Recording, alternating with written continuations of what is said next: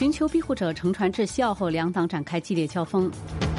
圣诞岛红蟹大迁徙因厄尔尼诺现象首次推迟。加沙地带纳赛尔医院因燃料短缺和袭击停诊。泰国前总理他信希纳瓦被拘半年后获假释。以下是新闻的详细内容。据信，本周乘船抵达西澳大利亚偏远地区的约四十名男子已被送往澳大利亚位于瑙鲁的离岸移民拘留中心。据澳广 ABC 报道，瑙鲁航空公司的一架飞机于昨日凌晨搭载这区据称来自于巴基斯坦和孟加拉国的疑似寻求庇护者男子离开布鲁姆，抵达瑙鲁。总理安东尼·阿尔巴尼斯指责反对党领袖彼得·达顿将边境安全政治化。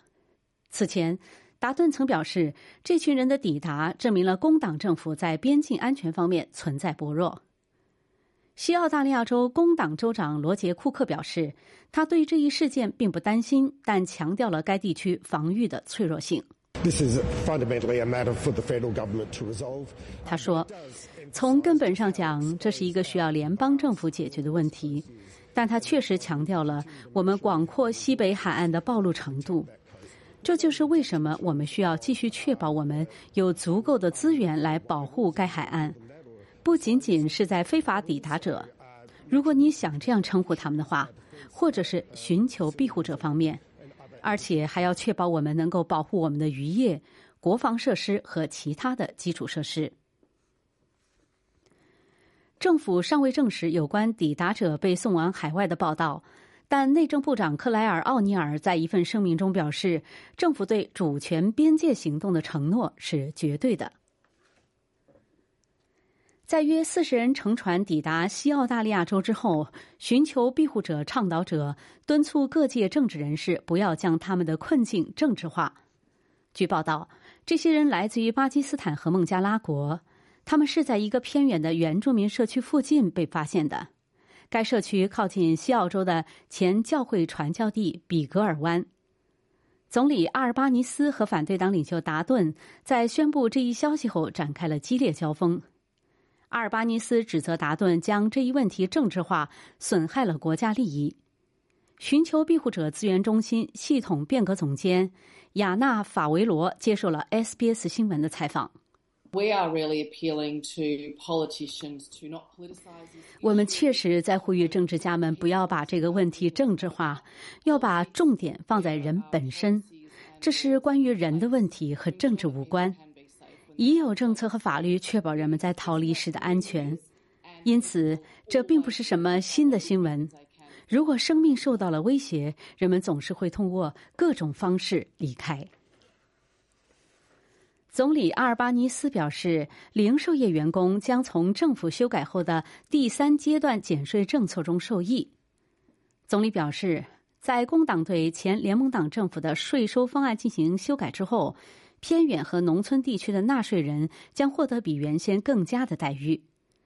根据相关改革，收入低于十五万澳元的澳大利亚人将获得更大幅度的减税。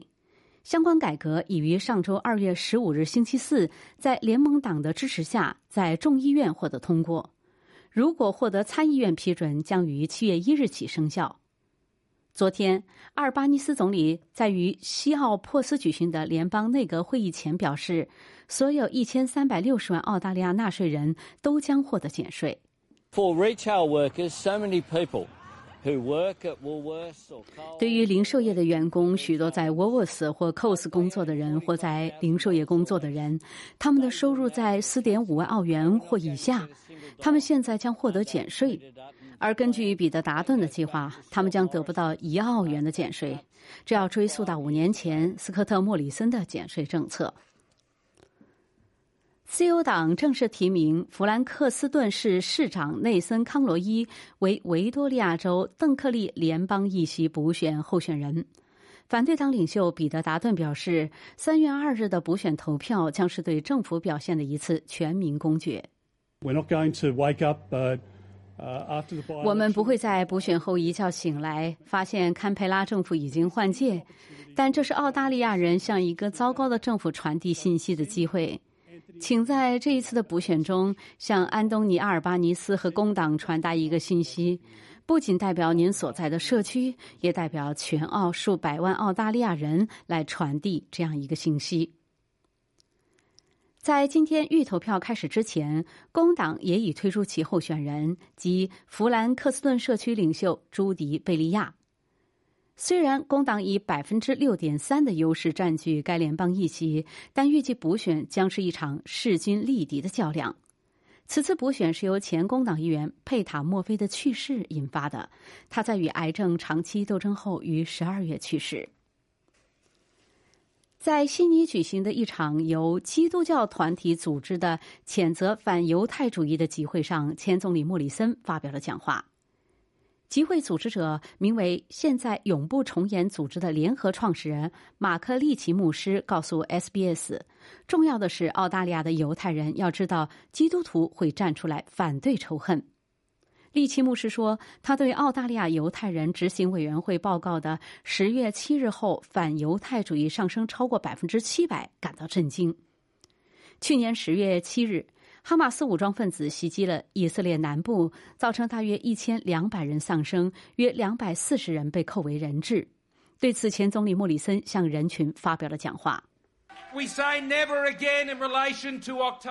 他说：“对于十月七日，我们说永不重演，因为在十月七日，自由世界没有兑现永不重演的承诺。”大屠杀之后，我们说过永不重演，但就在一天之内，以色列人民遭受了大屠杀以来从未有过的暴行。在集会现场，独立议员杰奎·兰比和原住民评论员沃伦·蒙丁也在人群中发表了讲话。在西澳大利亚乡村地区，两名七岁女童在乘坐的汽车撞上一棵树后丧生。周日上午，在位于珀斯和卡尔古利之间的卡拉宾发生了车祸，一名三十一岁的女司机被送往医院。西澳警方在周日上午十一点左右接到医护人员的报警之后，已呼吁提供行车记录仪录像，以帮助警方了解车祸发生的经过。有关该事件的行车记录仪或手机录像，可以上传到西澳警方网站上的一个专门页面。在昆士兰州的卡利岛，两名游客被野狗咬伤，这是数周内发生的第六起事件。一名十八岁的女子在前往瓦比湖的途中腿部被咬伤。五小时后，一名参加另一个旅行团的人在迪利村附近的海滨被咬伤。昆士兰公园和野生动物管理局的护林员计划加强这些地区的巡逻。这些事件是卡利岛上发生的一连串野狗袭击事件中的最新情况。印度洋圣诞岛上著名的红蟹大迁徙晚了两个月，这在有记录的历史上还是首次。专家们表示，今年二月，在经历了长期厄尔尼诺现象之后，雨季开始的较晚，红蟹迁徙行动姗姗来迟，这是气候不断变化的一个令人担忧的迹象。每年的十二月，雌性红蟹都会穿越澳大利亚偏远的领土，在雨季第一场降雨的触发下，在海洋中释放多达十万枚卵。但澳大利亚公园管理局濒危物种协调员布兰登·蒂尔南告诉 SBS 新闻，由于雨水不足，今年红蟹的产卵期比往年推迟了两个月。我们在十二月份遇到了错误的开端。他们在几毫米的降雨量下开始迁徙。十二月份开始迁徙的螃蟹很快就意识到他们犯了一个错误，于是掉头返回。您正在收听的是 SBS 中文普通话节目。欢迎继续收听 SBS 普通话新闻。接下来关注更多国际方面的消息。联合国卫生官员表示，燃料短缺和以色列的袭击已导致加沙地带第二大医院全面停诊。加沙卫生部发言人表示，位于南部城市汉尤尼斯的纳赛尔医院没有电力供应，也没有足够的工作人员来治疗仍在那里避难的许多患者。加沙大部分医院因战斗和缺乏燃料而停转，导致两百三十万人口得不到适当的医疗服务。而巴勒斯坦卫生当局表示，自十月七日以来，已有近两万九千人丧生。世界卫生组织敦促以色列允许其工作人员进入医院，此前，以色列军队对医院进行了长达一周的围困和突袭，以搜捕哈马斯武装，这阻止了联合国帮助病患。红十字国际委员会主席米里亚纳·艾格呼吁尊重国际人道法。他说：“战争不是没有法律的空间，在战争局势中，你不能为所欲为。”不能不惜一切代价，以牺牲平民为代价来赢得战争，不能把对方非人化。二月十八日，在乌克兰军队战略撤退之后，俄罗斯称已占领了乌克兰城镇阿夫迪夫卡。俄罗斯总统普京称，占领该城是一次重要的胜利，但莫斯科方面称，一些乌克兰军队仍躲藏在苏联时期建造的一个巨大的焦化厂内。这座城市的失守是俄罗斯自二零二三年五月占领巴赫穆特市以来取得的最大胜利。距普京下令入侵乌克兰引起全面战争已经两年。美国总统乔拜登表示，乌克兰撤军是为了避免部队在数月激战之后被全面包围。同时，由于美国国会共和党人搁置了援助计划，补给日益减少，乌克兰被迫撤军。泰国前总理他信辛纳瓦在被拘留六个月之后获得假释。今年八月份，泰国国王将他因滥用职权罪被判处的刑期从八年减为一年。随着希纳瓦的家族政党重新掌权，这标志着他在逃离推翻他的军事政变十五年之后，在泰国迎来了自由的第一天。他信这些年的大部分时间都在自我流放，以躲避指控。他坚称这些指控都是他的政敌所捏造的。